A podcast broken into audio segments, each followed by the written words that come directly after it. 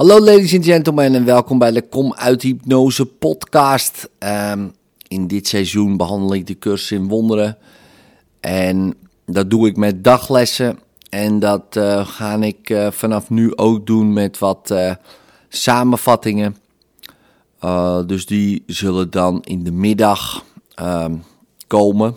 Dus dat zijn extra afleveringen met mijn sausje eroverheen. Vandaag is het les 17. Ik zie geen neutrale dingen. Dit idee is een volgende stap in de richting van het herkennen hoe oorzaak en gevolg werkelijk in de wereld opereren.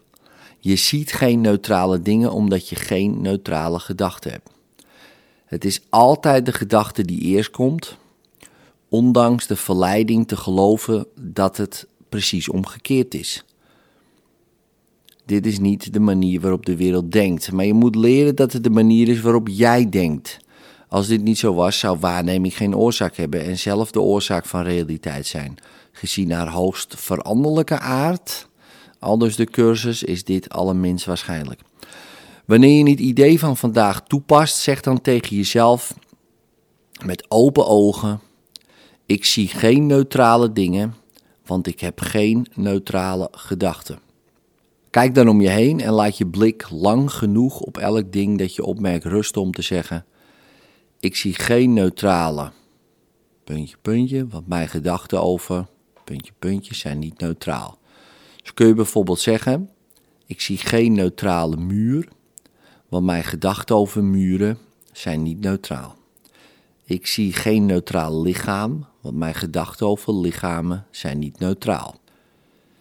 Nou, het is van wezenlijk belang dat je geen onderscheid maakt tussen wat jij uh, als bijvoorbeeld bezield of onbezield uh, ervaart, als plezierig of wel onplezierig. Wat je ook mag geloven, je ziet niets wat werkelijk levend of wat werkelijk verheugend is. Al dus de cursus. Dat komt omdat je vooralsnog niet bewust bent van enige gedachte die werkelijk waar en dus werkelijk vreugdevol is. Drie of vier speciale oefenperioden zijn aanbevelenswaardig en minimaal drie zijn nodig voor maximaal profijt, ook al voel je weerstand.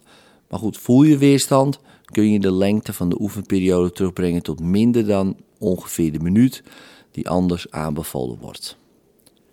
In liefde, tot morgen.